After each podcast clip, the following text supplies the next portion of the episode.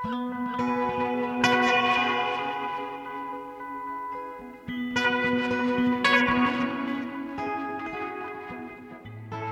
og sæl, ágættur hlustendur, Jóhannes Ólafsson og Halla Haraldóttir heilsa úr hljóðstofu við sjár 5. daginn 27. apríl. Í þætti dagsins dans, dans og dans. Íslenski dansflokkurinn fagnar um þessar myndir 50 ára afmæli. Flokkurinn var stopnaður árið 1973 eftir þónokkurn aðdraganda. Það voru svo ballettmeistararnir Alan Carter og Julia Clare sem komin hinga til lands til að vinna að stopnum þessa atvinnu dansflokks 1. júni 1973. Síðan þá hefur mikið vatn runnið til sjávar. Íslenski dansflokkurinn sem hefur nú aðstöðu í borgarleikúsinu hefur öðlast viðurkenningu á alþjóðlegum vettvangi á undanförnum árum og hefur flokknum verið bóðið að sína í mörgum af helstu leikúsum og hátíðum Erlendis. Við ætlum að heyra í Ernu Ómarsdóttur, listdanstjóra dansflokksins, hér síðar í þættinum og ræða um stöðu dansflokksins, áskoranir og framtíð. Og áfram dunar dansin, dansararnir Valgerður Rúnarsdóttir og Katrín Jónsson hafa báðar starfa með íslenska dansflokknum og hafa einnig reynslu af því að starfa sem dansarar utan landsteinana. Þar fóru ungar utan til náms en það bauðst dönsurum ekki framhaldsmentun hér á landi fyrir en listaáskólinn kom til sögunar. Katrín tók frekar ung ákverðun um að skipta um starfsvettvang á meðan að valgerði finnst það jafnast á við að hætta anda, að hætta að dansa. Við ræðum við þær í þætti dagsins um breytt landslag dansinunar, ferilinn og líf dansarans. Og við hefjum þáttinn einnig á dansi, dansrýni. Til hamingju með að vera mannleg leikhúsverk eftir dansaran Sigriði Sofju Níelsdóttur var frumsýnd á stóra sviði þjóðleikúsins 19. april síðastliðin. Verkið byggir Sigriður Sofía á ljóðabók með sama nafni sem hún gaf nýverið út og hún er jafnframt leikstjóri verksins. Nína Hjálmarsdóttir fór á verkið í síðustu viku og við gefum henni orðið.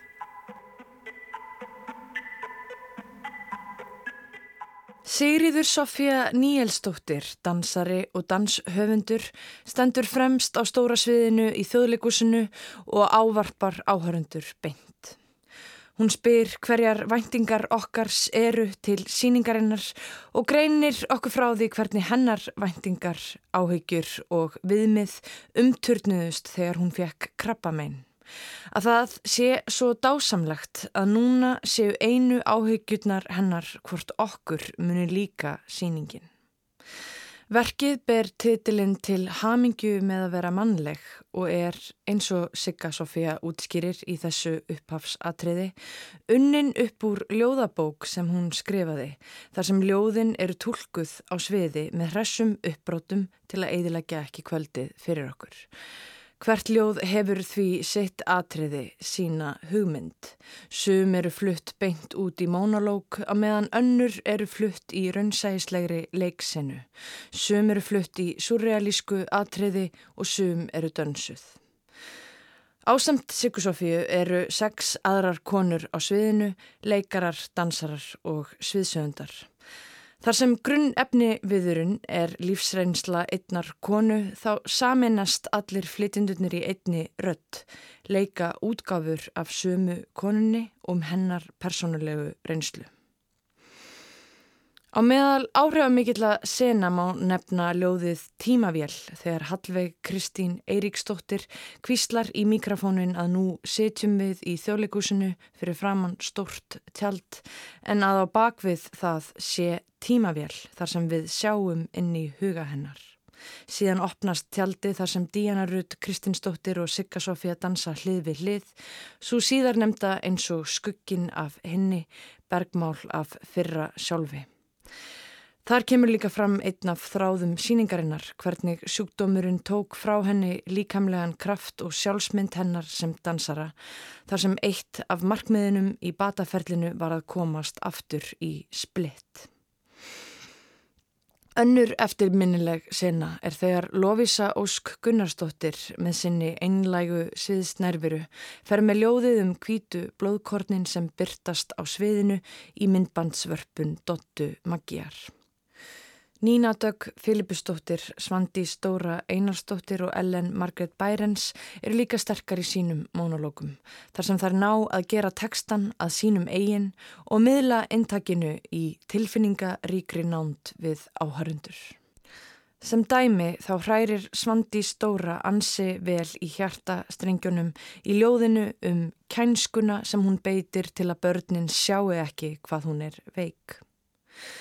Einn sena stendur þó upp úr í verkinu og það er síðasta senan fyrir hlið þar sem tónskaldverksins Jónas Sen sem situr fremst á sviðinu við pianoið flitur pianokonsert sinn. Post-romantíst verk, fagurt og tregafullt greinilega innblásið af tónlist Rachmaninafs. Á meðan dansar Sigga Sofía ein undir ofan lýsingu Jóhans Fridriks Ágústssonar. Fólki kringum mig grétt á meðan þessu stóð og augljóst að senan vakti tilfinningarleg viðbrögð. Verkið er smá eins og bútasömsteppi af mörgum mismunandi hugmyndum sviðsettum í röð sem virkar handahófskend. Samsköpunarsýningar falla oftar en ekki þessa grifju þegar þær skortir dramaturgiju og sterka listræna sín. Afleðingarnar eru að það vantar innistæðu og hugsun í margar hugmyndir verksins. En ein af þeim senum er röð af TikTok dansatriðum við kraftmikla popslagara síðustu ára. Með henni er dreyin upp tvíhyggja, klúpa og gödudans sem fær enga listræna sín heldur aðeins til að létta stemminguna á móti listrænum dans eða samtímadans sem stendur fyrir sársauka og erfiðleika og fær því íhugun og listræna næmni. Hér hefði dramatúrk gert mikið til að vinna þessa byrtingarmynd lengra. Óskýr ásetningur síningarinnar endur speklast líka í leikmynd og búningum Brynju Björstóttur en leikmunir virka ódýrir og hálf kláraðir. Búningarnir samanstanda af dæmi gerðum dansara, adidas, fötum, hverstagsklæðnaði og koktela kjólum í sömu litapalettu. Það er helst kanínugríman, geimfara búningurinn og leikfanga flóðið sem eru spennandi uppbrott. Ljóslistaverk Dottu Maggiar eru stundum aðteklisverð en oftar klísjukent þar sem þau varpa sömu tilvísunum og liggja í orðum ljóðana og skorta því listræna tókstreitu í heildarmyndinni. Það er framleiðslunni til Rós að hafa ráðist í að tilrunakenda nálgun og að sviðsetja ljóðabók á stóra sviði þjóðleikusins, verk sem treystir ekki á línulega frásögn heldur kraft hins ljóðræna og sem treystir á listina sem fæðist í samsköpun og spuna. En það er samt sem áður vand með farið að lita út fyrir línutnar, slíkt postmodernist ætlunaverk þarnast sterkrar sínar. Í ljóðabók fælst hið performatíska í merkingu orðana, í hinnu margraðina og afhjúpaða. Lesandin setur sjálfan sig inn í ljóðin og þannig opnast á miklu stærra samhengi. Eins og það er ómögulegt að ímynda sér jafn hreikalega lífsreynslu og að fá krabbamein og berjast fyrir eigin lífi, þá komumst við lesendur ljóðana eins nálagt því og hægt er í gegnum hið ljóðrana. En þegar manneskjan sem fór í gegnum lífsreynsluna stendur á sviðinu fyrir framannmann þá mingar heimurinn og einskorðast við hana eina og því verður listamæðurinn að finna aðra leið til að stækka samhengið og framkalla hið ljóðræna í sviðsetningunni. Forsendan fyrir verkinu þarf að liggja í sviðsetningunni sjálfuri, dramatúrkíunni og strukturnum. Aðalvandi þessara síningar er að manneskjan sem lendi í reynslunni er á sviðinu og hún er einnig leikstjóri verksins og hefur ekki nægilegan, sterkan, listrannan ásetning. Til samanbyrðar má nefna síninguna Vertu Úlfur sem byggist líka á raunverulegri reynslu en er ekki sviðsett af þeim sem livði hana sem þá óumflíjanlega sprengir upp samhengið. Til hamingi með að vera mannleg takmarkar þannig reynsluheimin við eitt sjónarhort, hóp af konum með fullkomna líkama sem tilheyra sama kema samfélagsins. En samt eru þær ekki einu svonni hópur því hinnar konurnar fá enga sjálfveru nýja rött, þær eru bara önnur útgafa af sömu manneskunni. Þegar líður á verður mann því smám saman samdöina þessari frásögn af djúpum sásöka sem er endur tekin eins og byluðplata og tilfinningin í tekstanum missir mátsinn. Í lokin öskrar Siggasofja að hún sé ósigrandi í hamingjukasti yfir frelsinu frá sjúkdómnum þar sem hún er berrausuð á íslenskri strönd og fær SMS frá Forseta Íslands að bjóða henni í pönnukökur. Það atvig er vísun í að hún fekk Íslensku bjartsýnisverlunin árið 2022 sem eru menningarverlun Álversins í Strömsvík. Þessi sena dregur upp fallega stund úr lífi höfundar en vegna takmarkaðs samhengis síningarinnar virkar hún taktlaus og útilokandi fyrir aðrar reynslur af krabbamenni. Sagan endar í sigri, harmsagan verður að kapitalískri neyslu þar sem við erum ósigrandi og ódöðleg ef við erum bara nógu helviti bjart sín. Sigriður Sofía hittir naglan á höfuðið þegar hún lýsir því sem koma skal í upphafs atriðinu. Hér eru að ferðinni ljóð sem eru tólkuð í leik og dansi með hressum uppbrótum. Sumar hugmyndinar eru góðar og tappa inn í tilfinningar, sorgar og láturs. Eflaust verður líka upplöfun áhörunda mismunandi og margir munu tengja persónulega við reynslu hugmyndar. En svo reynsla er bara ein nota sem býður aðeins upp á grunna samsömmun áhörunda og sem útilokar þær listrannu vítir sem felast í fjölrata samhengi um jafn djúbstæðan og merkingar þrungin efnivið sem krabbamein og döðleiki eru. Sagði Nína Hjálmarsdóttir um leikverkið til hamingju með að vera mannleg eftir Sigriði Sofíu Níelsdóttur sem sínt er um þessar mundir á stóra sviði þjóðleikúsins. Eins og við nefndum hér í upphafi þáttar þá mun dansinn taka yfir þáttagsins en það hefst afmælisháttið Íslenska dansflokksins um helgina. Okkar næsti gestur er listanstjóri flokksins, Erna Ómarsdóttir.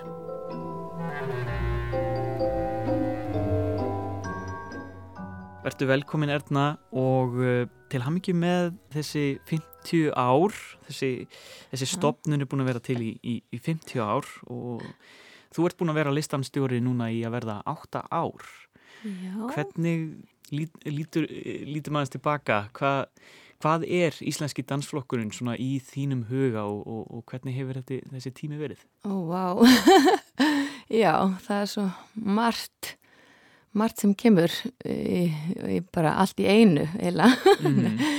en hérna, já, þetta er bara búið að vera mikill lærdómur og mjög erfitt en e, frábælega gaman og hérna búið að gefa mér mikið, mikill inblástur og svona, en maður þarf að gefa svolítið mikið á sér líka þannig að þetta er svona alveg sko já, í allar áttir sko, þetta er svona þú veist, það er svona al, maður, já, alls konar sem að kannski það bara setjast í þennan stól hérna já. sem listanstjóri og þá hérna e, kannski ímislegt sem maður þarf að gera eða sem maður hérna kannski bjóst ekki alveg við sem svona uh, komandi frá uh, því að vera dansandi og að semja hérna dansverk og svona vera einhvern veginn í listinni mm.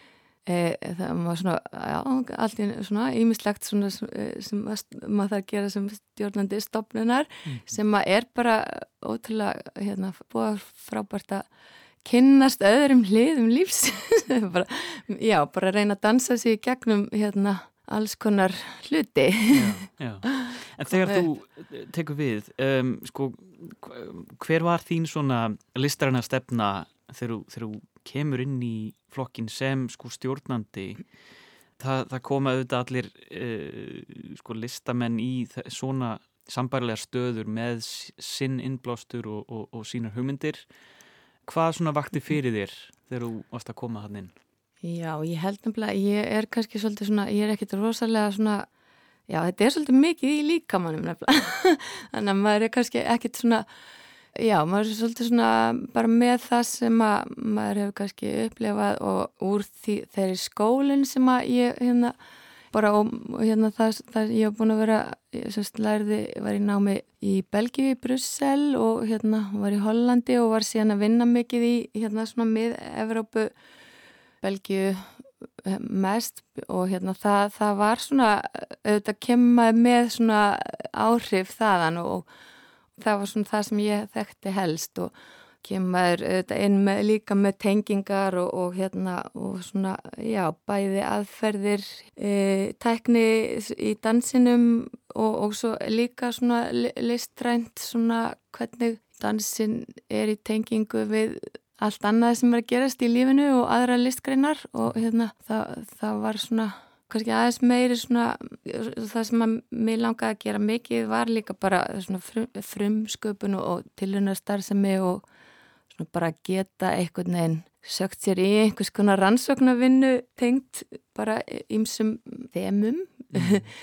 og já, bara svolítið að vera kannski í núinum að svona vinna auðvitað með listamennum sem eru svona framalega í er að gera áhugaverða hluti og auðvitað líka að maður auðvitað alltaf að hérna reyna, reyna að bara skoða svolítið hvað er að gerast í kringum sig og, og, líka, og samt líka fylgja svolítið ein, ein, einhvers konar innsægi Já Já, ég kannski svona bara með, með þessar svona, þess, þetta var svona belgiska bara bæði ekspressjóníst og abstrakt í bland við svona bara allt sem að er að gerast svolítið í umhverfinu og hluti kannski bara gerast mm. mjög rætt og það bæði svona að, e, nýjar aðferðir kannski við að hérna hugsa hvað er líkami, hvað, hvað er líkamleiki, e, líkaminn í, í tengingu við hérna umhverfið og, og aðrar listgreinar að því svona, veist, þetta, þetta er auðvitað bara líka minn er, er auðvitað það sem við höfum og þetta er kannski svona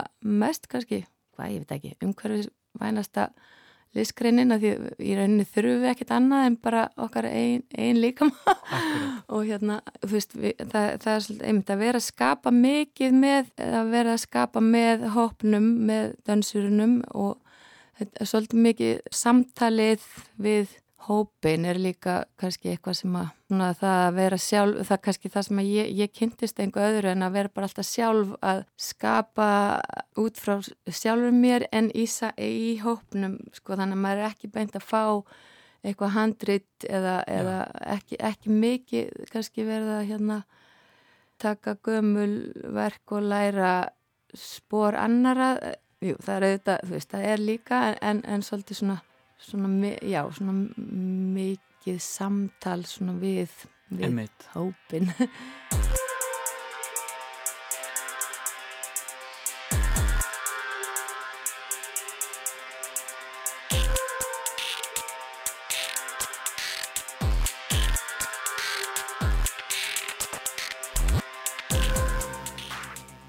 dansin er ekkit bara plié og hérna pirouette mm -hmm. og það er allt sem er lí, líkamlegt er hérna augnhreyfingar og hérna mm. já bara rattböndin hvernig er ekta og andadrátturinn verður hérna bara þessar litlu, litlu, litlu hreyfingar alveg ja, mikilvægar og að geta gert reysa stórt svona stökk og, og hérna Þannig að þú veist, það, það er svona uh, kannski og, og þú veist, bæð ja, mikilvægt að vera eh, skapandi í tólkun, að tólka reyfingar og, og, hérna, og tólka bara, þú veist, vera theatrikal og það er svo mikill lærdomur í hérna sem er svona, þú veist, erf, það er bara mjög erfitt að útskýra þetta í orðum, þetta er náttúrulega mjög óáþreifanlegt og svo eru auðvitað hver auðvitað dansari ólíkur með bara áhuga svið og sumir eru algjöru nördar í bara. Líkamannum og já, og aðrir eru kannski meira með bara express, expressionina á og þetta er eiginlega eins og hópurinn hefur verið núna, er svolítið sa samsetninga úr ólíkum áttum og það er einhver fegur í því sem að hérna, þau læra mjög mikið af hvort öðru mm -hmm. og auðvitað hver og einn dansöfundur og hérna, sérst, það koma margir listamenn utanfrá að stjórna hérna, verkefnum. Og það er náttúrulega líka hérna, þar, og stundum eru hérna, verkefna ráðnir hérna, dansara sem koma inn og bara, það er rosa svona gaman að sjá hvernig, þú veist, kannski einhver sem heldur muni aldrei tengja og bara eftir einhver tíma þá er, er fólk fara, já, það, það er hægt Gerst að læra þetta. svo mikið af hvað það er mm -hmm. og eitthvað svona sem maður heldur að sé bara alls ekki þetta er ekki mitt og svo bara allt í nema það er svona áhugavert að reyna að finna leið inn í hluti sem maður er ekki að tengja við í fyrstu en svo, þú veist, kemur á óvart bara hva, hvað hérna mhm. svona bæði ferlið, já, ég myndi segja líka það bara hvert og eitt listrænt ferli er jafn mikilvægt og bara síningin sjálf.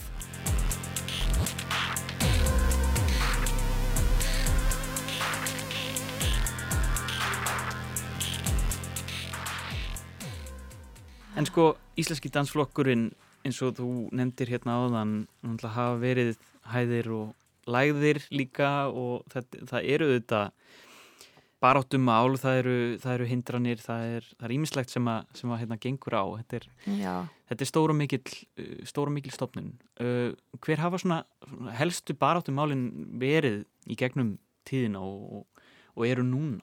Já, kannski að koma fólki í skilningum hvað þetta er mikilvæg listgrein. Bæði, þú veist, ég held að það er svo margt sem að bæði að skólanir hérna, að þetta verði viðkent í, í hérna, námi eins, eins og tónlist. Að það, það er til dæmis bara já, aðra listgreinar og, og bara mest frábært að listgreinar bara yfir höfuð eru, það er bara miklu meiri svona skilningur á bara á tónlist og hérna myndlist og, og hérna dans en það er ekki, það er einhvern veginn samt eins og hérna, já, ég held að það mætti alveg gera betur bæði í landsbyðin og Reykjavík borg og bara þú veist hérna ríkið, ríki og já, að hérna komið sér inn í, inn í nám. Og svo bara eru við, við, erum, e, það er náttúrulega húsnæðis húsnæðismálin, blessuð húsnæðismálin og við erum hérna en þá bara á sama stað og fyrir 20, bara við vorum um þetta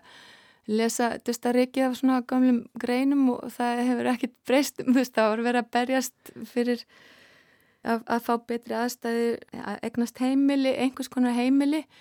Að dansinn svona egnist heimili þó, þó svo þú veist, það er auðvitað hægt að vera, við, þú veist, við erum mjög mikið í samstarfi og erum að ferðast mikið og hérna, já, en það er samt svona fjármagn er bara auðvitað og hérna aðstæða og, og bara, já, það launamál, það er mikið gerst þar mm.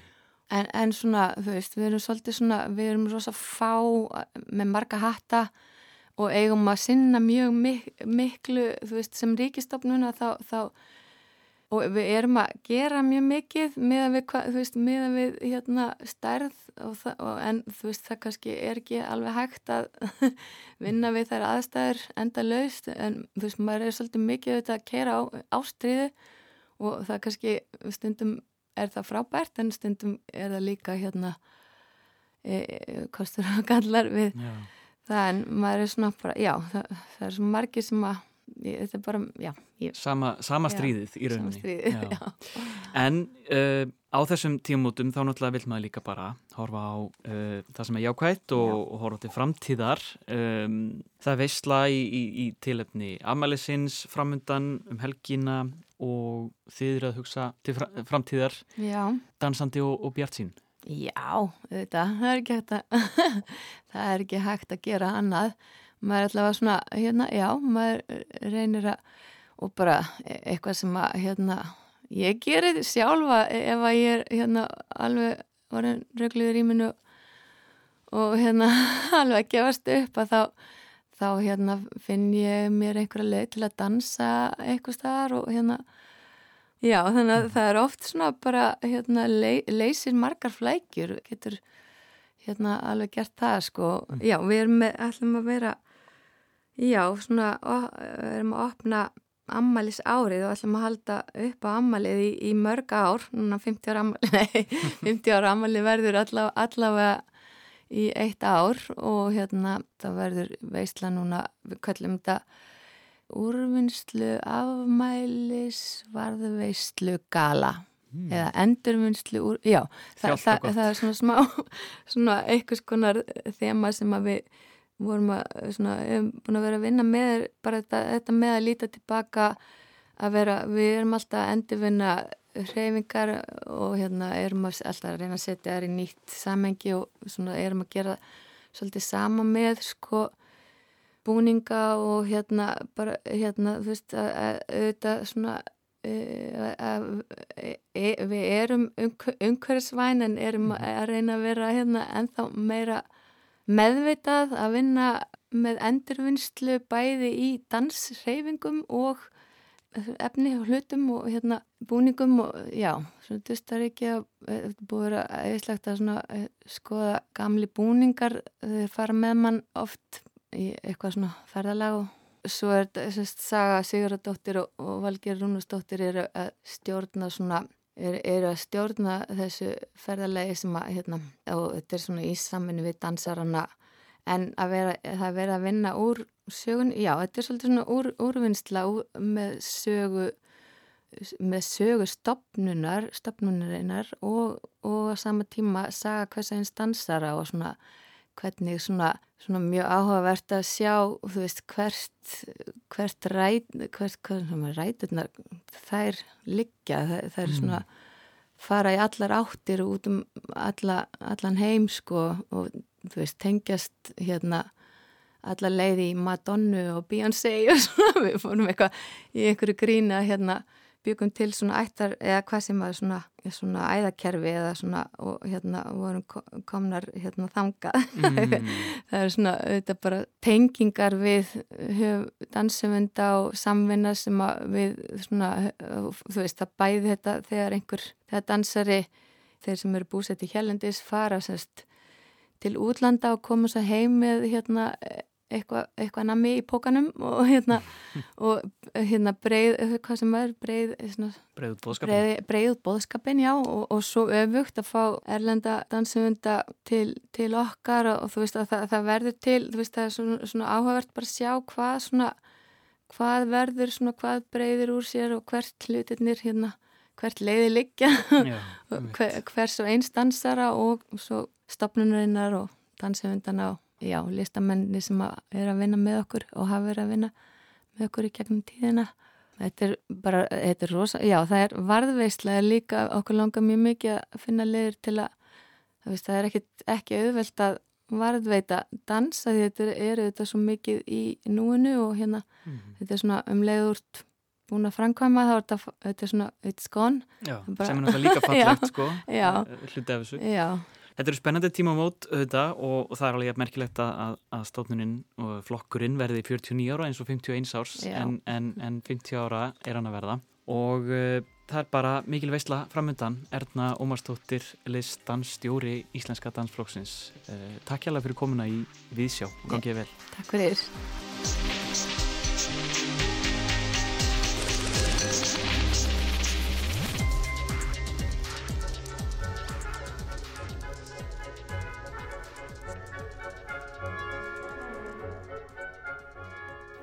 Og dansinn dunar áfram hér í Víðsjá eins og Erna myndist á þá verður blásið til allserjar veislu í borgarleikusinu heimili dansflokksins á lögadag þar sem hinnar ímsu dans uppákomur munu gleðja gesti og gangandi.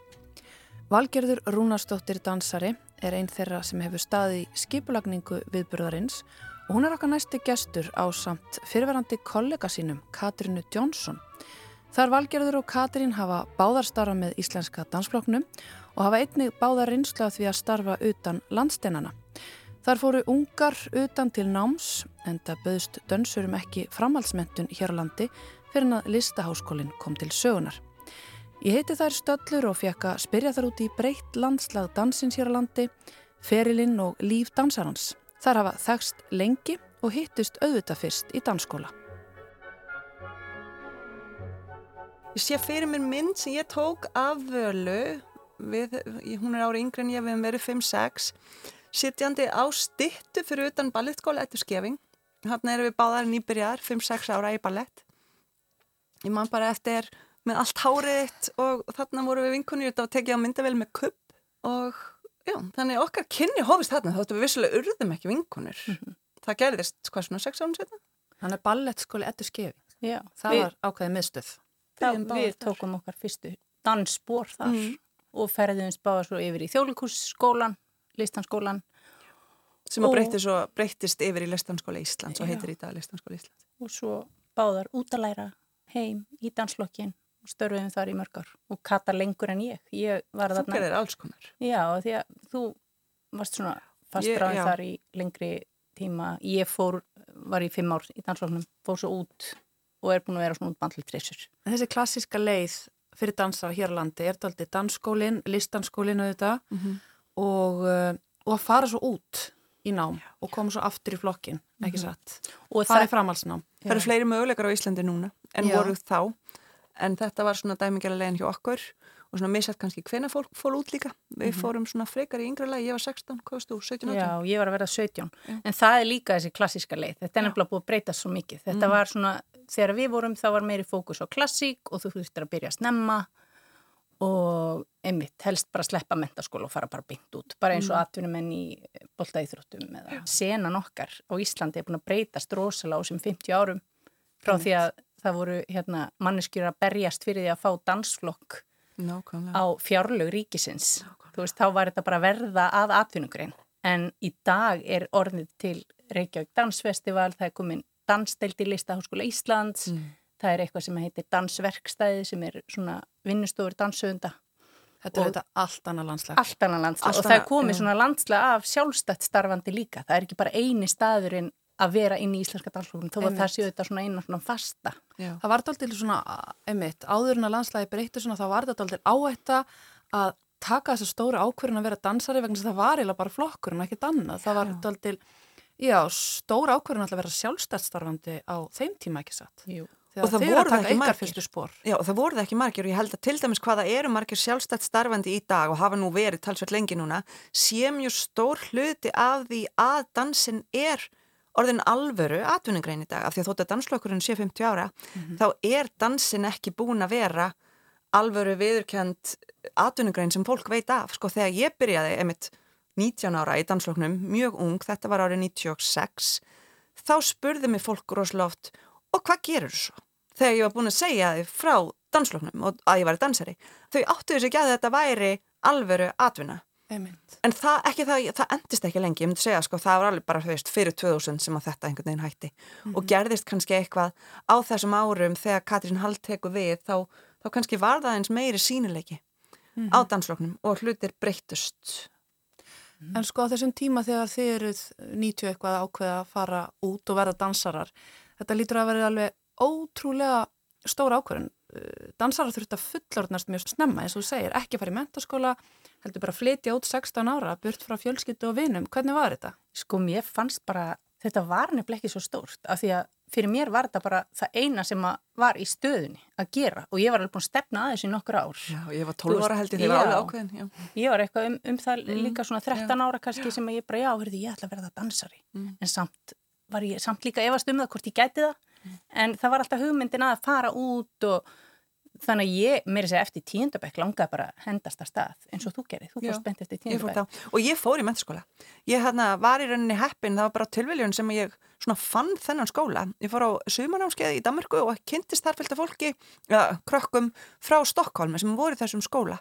Og, hana, og hann var sem sagt, ég talaði oft um að þetta væri eins og feim þá, af því að þú veist, þarna fór ég í mennskóla en ég var með ballett sem aðalfag en ég fór líka í starfræði og ennsku og sögu og þú veist allt svona, -hmm. en já, þannig að, þannig að ég fór út bara, þú veist á réttum aldri, mentaskóla aldri og fór í mentaskóla sem var listamentaskóli, sömur mm -hmm. voru með kannski þú veist, aðalfæið þeirra var ljósmyndun eða fyrluleikur og hérna, og ég var sem sagt, það var mjög stór danstilt þarna. Og þú kemur heim 19 ára og fer bara að starra með floknum beint? Já, beint Og ertu nokkur ár? Hvernig var svona, hvernig er þín leið verið í dansunum?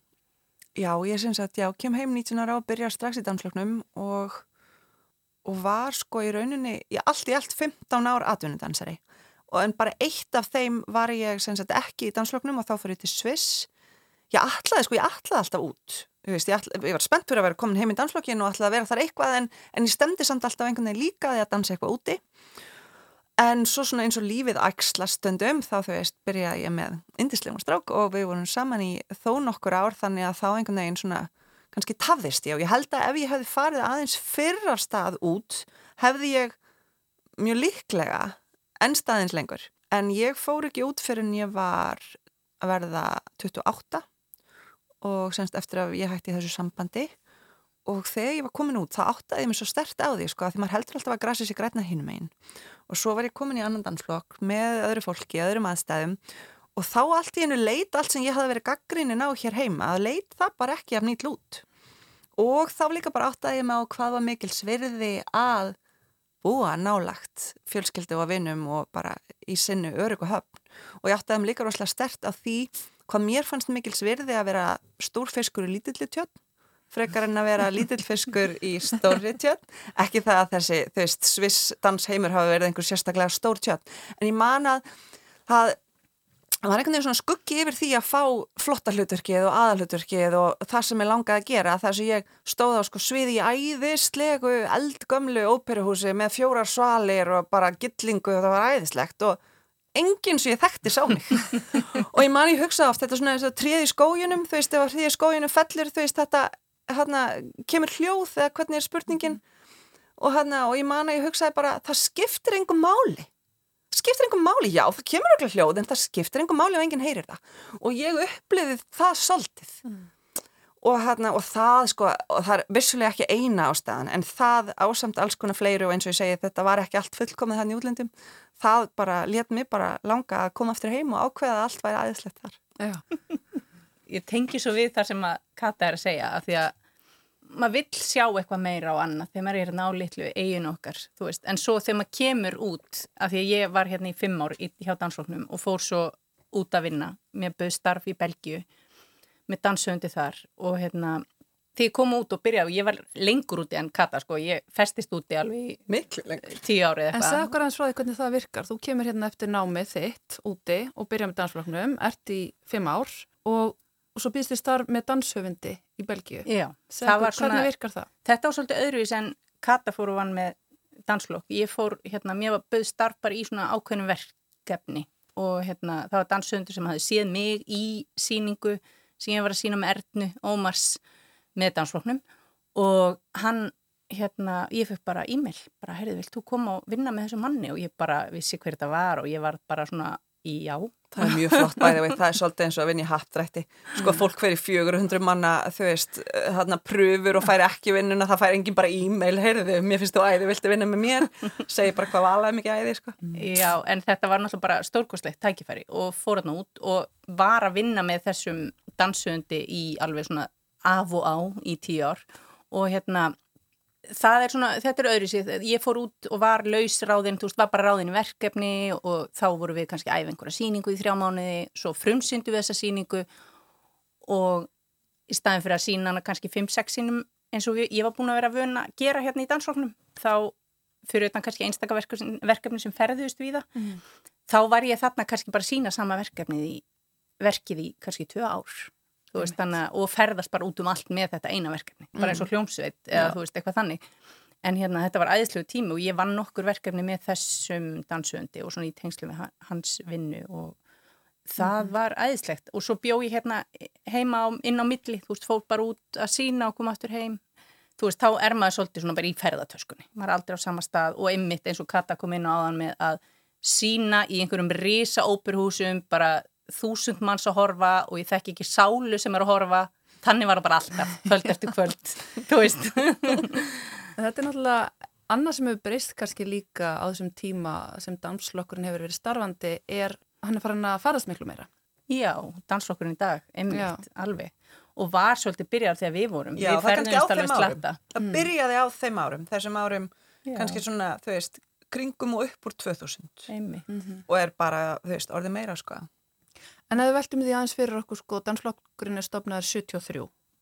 Hvernig hefur líf og starf dansarans breyst á þessum árum? Vá, við náttúrulega veitum ekki hvernig það var þegar það byrjaði. Þá voru við ekki fættar. En að þið ímynduðu ykkur? En sko nú er ég nú búin að vera svolítið að spjalla við Já. dansarana sem að komið þessum dansflokk á koppin og í tengslum við þessa ammælisátti núna mm -hmm. þá mhm. er ég, mér langaði svo að fá þær með okkur, ég segi alltaf þær, þær eru í meiri hluta konur, þetta er svona kvennastjætt sem við erum í. Já, driffjæðina voru konur. Já, ég er búin að hitta þessar konur og mér langaði svo að því ég var fengið til að koma og vera, taka þátt í að vera í Ammalis Háttíðinni. Háttíðinni, núna. Sem verður núna á lögadaginn í borgarleikusinu. Og við Saga Siguradóttir, dansöndur, og Erna Ómarsdóttir sem er náttúrulega listrætt stjórnandi í dag, við erum búin að vera saman að svona undirbúa þessi ammælsáttið og ég hérna, kom inn í þetta og mér langaði svo að heyrðu, leitum til þessara sem að störtu byggu til þetta kompani og fá þær með okkur og fá þær á sviðið og fá þær til að koma að dansa og ég var svo æsti að fá þær til að koma að dansa en svo náttúrulega hérna, eru þær bara hættar að dansa. Það er ekki áhuga að koma á svið og ég er svona á endanum bara já já, heyrðu Það er búin að býða eftir þessu áhuga Það er löngu búin að taka þessu ákvörðunum að hætta og hérna, ég er einhvern veginn að halda í vonin að allir vilji bara hætta við að hætta mm. haldi áfram að dansa það er svona mitt, kannski svona mission sem ég er á okay. en hérna, já, þá er bara svo gaman að hitta þessar konur þú veist, og heyra einmitt sögurna þeirra og þú veist, þær voru allar að margar voru í, þú veist, mentaskóla og byrjar í dansloknum og voru svona púsla því eitthvað saman og þetta var bara því líka barningur náttúrulega líka fyrst að bara koma svo fjárlög og, veist, mm -hmm. og þær voru að dansa og kenna í skólanum. Það var einhvern veginn, vinnudagarinn þeirra var svolítið svona mm -hmm. þú veist, kennsla og æfingar og síndu náttúrulega auðvitað ekki að mikið og er í dag. Þú veist, þannig að þetta var, og þær voru þannig í þjóðleikúsinu, veist, líka innan leikúsins við erum ennþá inn í leikúsi, bara öðru leikúsi og þú veist, það er margt sem hefur ekki breyst. Dansflokkurinn á sér ekki ennþá heimili annað en ekki eigið, ekki eigið heimili. Nei. Nei, ég ætla að mynda að segja, sko, sínleikin er meiri, við berum meiri verðingu fyrir dansinum og starfi dansara og, en, en á sama tíma er barningurinn endur staðar. Já. Þeir eru annað berast fyrir húsnæði, listanskólinn mögulega hætta. Mm -hmm. Nei, Einmitt. ég er bara Þannig... það ætla ekki að trúa því, en já, það lítur ítl út, það lítur mjög ítl út. En ég held að sé eins og ég búið að tala um í kringum listanskólan, þú veist, uh, miklu meiri hluta stúlkur, nefnendur þar og þetta er náttúrulega kvennastjætt og það er ekki tækt að, að sleppaði að hugsa feminist í þessum efnum sko, þetta er hvernastjætt og það sem að spilar inn í sem að ég held að skipti mjög miklu máli líka er að þetta er ungstjætt þannig að þetta verður svolítið alltaf einhverju krakkar og ungt fólk. Þannig það vantar svolítið eða ég held að það spili inn í að það eru alltaf færri sem eru eldri og hafa viktina sem að eldri reyndar í manneskja og færri karlar. Þannig að þetta er já, fólk dettur fyrr úr já. bransanum og þar leðandi umræðinni. Já.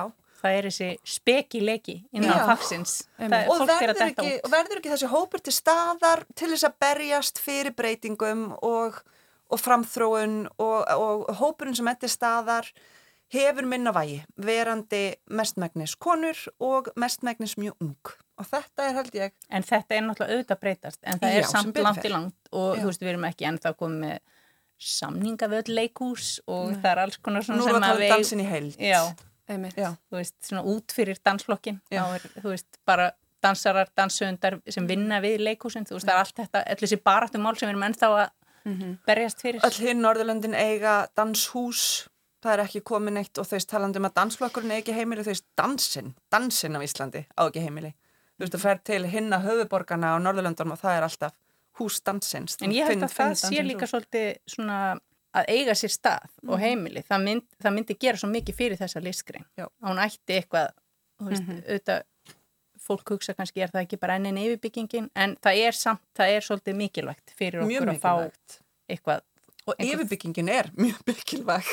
Mm -hmm. Þú veist, að hafa samastað, að hafa stað þar sem að þú getur farið og getur lekt sal og fyrir auðvitað bara tákgrænt tákgrænt einmitt, það er auðvitað eigur sínileika að hafa einhvers konar byggingu sem að fólk getur tengt við.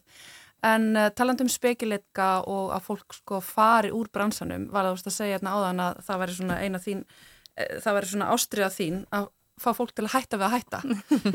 Kata, Kata. þú tókst meðvitað ákvörðunum það að hætta Já, og, ég þú vala allar aldrei að hætta. Já, Tölum aðeins um það að hætta.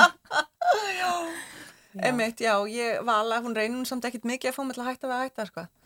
Nei. Þú ert auðvitað hætt. Ég er hætt, ég hætti, það eru meira sér komin mjög mörg ár síðan, það eru komin að vera 12 ár síðan núna í sömur, síðan ég hætti. Einmitt. En ég var frekar ung. Ég sá alltaf fyrir mér að dansa til, ég veit ekki akkur ég var með töluna 38 í hausnum, en svo hætti ég áður en ég var 34. Mm. Og, hana, og ég var nefnilega svolítið mikið ung, sko. Og af hverju tókstu þessu ákvörðun? Já, ákvörðun. Þetta var nefnilega svo skrítið. Ég kom heim eitt kvöldið og var hugsi yfir alls konar hlutum og svo einhvern veginn eins og ég segi alltaf ég tók ekki ákverðun þetta var uppgötun og ég uppgötvaði þetta kvöld að ég var búin. Og það er rauninni bara alveg ótrúlega mikið frels í því að þau veist þurfi ekki að taka erfið ákverðun og upp frá því náttúrulega tekja ákvæðinu og gengi í gengi málið. Og þetta var einhvern veginn mjög heppileg tímasetning á þessari uppgötun hjá mér. Svona snemmum vor, ég man ekki hvort þetta var byrjun april eitthvað svona. Og, þarna, og, og ég ákvað sko að ég get verið svolítið bráð og fæ alls konar hugmyndir og, og vil þá bara framkvæma þannig ég ákvað að þetta var nú svolítið stort og nú þurfti ég kannski aðeins að anda þannig ég ákvað að taka viku alveg heila viku og, þarna, og mér fannst þetta alveg stort sko. já, ég tók semst viku og bara sagði engum og gerði ekkert og bara meldi þetta og mér leið alveg eins eftir viku og þá sama daginn uh, sagði ég upp í dansloknum og sóttum í Háskóla Íslands. En þegar þú talar um að þú hafi verið búinn, hvað átt þá við? Já, það er góð spurning. Um, ég veit ekki, þetta er, þetta er bara, ég er alveg að tala út frá tilfinningum. Ég uppgötvaði þetta. Mér mm. fannst ég búinn og það er í rauninni einhver leiti ég var sött. Þú veist og það þarf alltaf að vera svo hungraður í listinni. Þetta er ástriðamann sem við vorum sko þetta er orðið betri í dag en við, við vorum á lúsara launum og, og, og þetta og það þýðir ekki að vera í svona atvinnugrein án þess að það sé lífið þitt eða ég get allavega ekki að segja það fyrir mér þetta var lífið mitt og, og ástriða og fyrir utan að vera starfið og kannski hefði ég átt að sjá þetta koma en ég sá þetta ekki þau veist ekki allavega með þetta nátt fyrir nýju uppgötu að þetta kvöld að Æjú, ég var hún sett, ég var ekki lengur mm -hmm. spennt og æst í næsta verkefni og eða bara tilbúin að Einmitt, ástriðan þarf auðvitað að vera til staðar og hún Já. er alltaf til staðar hjá þér vala. Já, ég, hangi í þessu sko. Ekki segja það hljóma neitt Nei, nei, ég er bara grínast. Sko, ég hef bara ennþá mikla ástriði fyrir þessu fæi og þetta er einhvern veginn bara mér finnist það vera bara eins og að hætta að anda, hætta að dansa. Þannig að ég er hérna ennþá. Þú ert ekki sött. Ég er ekki sött. En þú veist, mitt starf í dag er náttúrulega, þú veist, ég er ekki að dansa eins og dansar í íslenska dansfloknum alla daga, allan daginn, þú veist, ég er að vinna sem danshöndur og stundum er ég að kenna og þú veist, mér finnst ennþá gaman að fara á svið og þannig að mér finnst svona, ég er bara svona allt í öllu í þessu fæi. Þú ert búin að finna þess einhvern veginn alls konar, aðra leiðir og annan farveg Já. sem að mér finnst ótrúlega frábært. Og ég hef kannski bara ekki ekki, ég var ekki nú hugmyndarík eða... En svo líka held ég bara það sem að tímamótin sem við erum á í dag með svona hvernig þetta fag er að taka breytingum, veist, bara eins og síðasta verk sem danslokkurum var að gera hérna ball, mm -hmm. alveg ótrúlega velhæfna og fallett verk, þar sem að við sjáum dansara á sviði sem eru frá 8 til 8-10 og eitthvað, eitthvað. Mm -hmm. þú veist, það er bara svona þessi breytt, aldursbreytt þú veist, endurspeglun á samfélagið, það hefur kannski fundist mér vanta í dansin af því að þetta er náttúrulega líka auðvitað, þú veist, dans sem er mjög krefjandi líkamlega, það er ekki hægt að leika það kannski eftir þegar þú ert 80 eitthvað ára gamall en þú hefur eitthvað annað og þú veist Dansin er meira alls konar í dag heldur en hann var fyrir þetta 50 ára með við talum um lífaldur ef við talum um aldur flokksins, Já. en er ekki bara almennt séð líf aldur dansara lengri í dag heldur en það var áður? Jú, og líka bara búið að fara að breytast hér, mm -hmm. þetta er kannski búið í gangi annar staðar á meilandinu, þú veist, mjög lengur, Já. þú veist, að fólk sé í, að það sé alls konar danstegundur í gangi. Já, en líka og, bara með listfengi breytist það, það gerist eitthvað hjá listamennum á þessum tíma, Já. þú missir kannski einhverja líkamlega færni en annað eblist og alveg þroskast og þróast og blómstrar. Einmitt, Þannig að það er ekki bara dansin sem getur verið alls konar heldur líka dansararnir. Já, Nákvæmlega. alveg. Já. En já, maður hefur hýrt að þetta sé samt svona frekar dramatísk ákvörðun og erfitt að taka mm. þessa ákvörðun en það er verið að spurja dansara held ég bara frá því að byrja að læra að dansa og hvað svo þegar þú hættir að dansa Er það ekki? Mitt, það er bara enda löst. Ég meina, ég var ekki byrjuð að vinna við þetta þegar ég fór að fá þessa spurningu. Bara, mm. og hvað ætlar svo að gera? Þú hættir að dansa, býtu, ég eh, ætla kannski ekki að hætta að dansa fyrir að fyrsta og ég er ekki komið ánga, ég er ekki búin að fá mína fyrstu vinnu, hvað er þetta að tala um, þú veist. Þannig að þetta er... Uh, Skríti líka að byrja með þetta, byrja á einhverju og byrja, byrja á ferli vitandi að endurinn er til staðar af því að þú veist, fæstir einhvern veginn einhver, einhver læri lögfræði eða viðskiptafræði eða sálfræði eða eitthvað þeist, og verður sálfræðingur fyrir að staða það er ekkert svona já, svo ger ég þetta í 20 ára og svo er þetta búið. Er og þá er bara, hvað ger ég þá? Veist, þetta er svolítið eins og íþróttumenninir Já, bara nákvæmlega. Þetta er svona sama. Emmitt, Vala, þú sagði að, að dansa væri bara eins og anda. Hvernig er það fyrir því, Katrín, eh, þegar maður hættir að dansa? Eða hættir maður ekkert um að vera dansari? Nei sko ég, einmitt, mér fannst þetta svo erfitt þegar ég hætti, þetta var eitthvað eina sem er þótti erfitt þegar ég hætti. Að þessi sjálfsmyndar breyting að við erum ekki lengur þú veist, mm -hmm. Kat Jónsson dansari. Nema svo bara komst ég að því að ég bara mun held ég alltaf verða dansari, að þú veist, fólk lítur þannig á mig. Og, og sko, það er bara í góðu lægi og ég bara, en ég held að ég þurfti að sleppa því. En það er mjög ánægulegt átt að segja því að maður þarf ekki að sleppa því þótt að maður sé lungu lungu og hættur að dansa Dansar ekki bara heima hjá þér? Ég dansa mikið heima hjá mér Jú, einmitt Vala, það er háttíð á lögadaginn sem að þú er búin að standa í ströngu við að skipulegja. Segð okkur að stutt í lóki frá því hvernig þetta mun fara fram. Háttíðin hefst klukkan 7 á lögadaginn og þá bjóðum við fólk velkomið inn í borgarleikusið hér í Reykjavík og e, við erum búin að taka yfir öll svið og þá verður opnaðin á litla svið og nýja svið og þar erum við með hljóðverk á lillsviðinu sem er einmitt samansapnaf sögum dansara sem hafa starfað við danslokkin eða starfa núna við danslokkin og nýja sviðinu þar eru við með hérna, myndverk, videóinsetningu og það er semst þetta ganga inn út um eh, inn á þessi svið þannig á milli 7-8 og svo klokkan 8 hefst dagskrá á stóra sviðinu og það er hérna fyrst smá bútu sem ég er búin að vinna með dansloknum og svo kemur Saga Sigurðar eftir hlýja með töfra sem hún er búin að vera framkalla með dönsurunum og mér langar bara að segja að það sem við erum búin að vera að gera í þessu samingi er við erum búin að vera að grúska þessari sögu bæði sko öllu myndefni og við erum búin að skoða kóreografjur þessara 50 ára og grúska í þessari sögu og, hérna, og sögu dansarana sem eru núna og sérsta, öll þessi viðtöl þannig að við erum búin að fara bara á dusta ríkið af alls konar dóti og opna einhverja kistur og þú veist mjög skemmtilegt Þetta verður æði og spennt. það verður náttúrulega kaka sjálfsögur verður kaka er ekki líka dansleikur? Jú, svo dansum við Já. inn í nóttina Já. og þetta er upphafið á ammælisári flokksins. Akkurat, og þetta er einn viðburður og við bendum bara áhuga sem hlustundum á það að það er þetta nálgast miða á tix.is. og ég þakka ykkur kærlega Katrín Jónsson og Valger Rúnarsdóttir fyrir að koma við sjá og hefja þetta ammælisár með okkur hér og ég segi bara til hamingju með flokkin ykkar. Takk fyrir. Viðsjá verður þá ekki lengri í dag og við endum þessa viku dansandi, já eða ekki eins og Johnny Triumph hlýðar sjálf Sjóns gerði frækt í læginu Luftgitar með Sigurmólunum frá 1987. Þótt Luftgitar megi auðveldlega tólka sem dansform þá ætlar hann ekki að dansa en þið ráðið hvað þið gerið hlustendur góðir. Við Jóhannes förum allavega dansandi inn í helgina. Takk fyrir samfélgina þessa vikuna og verið sæl.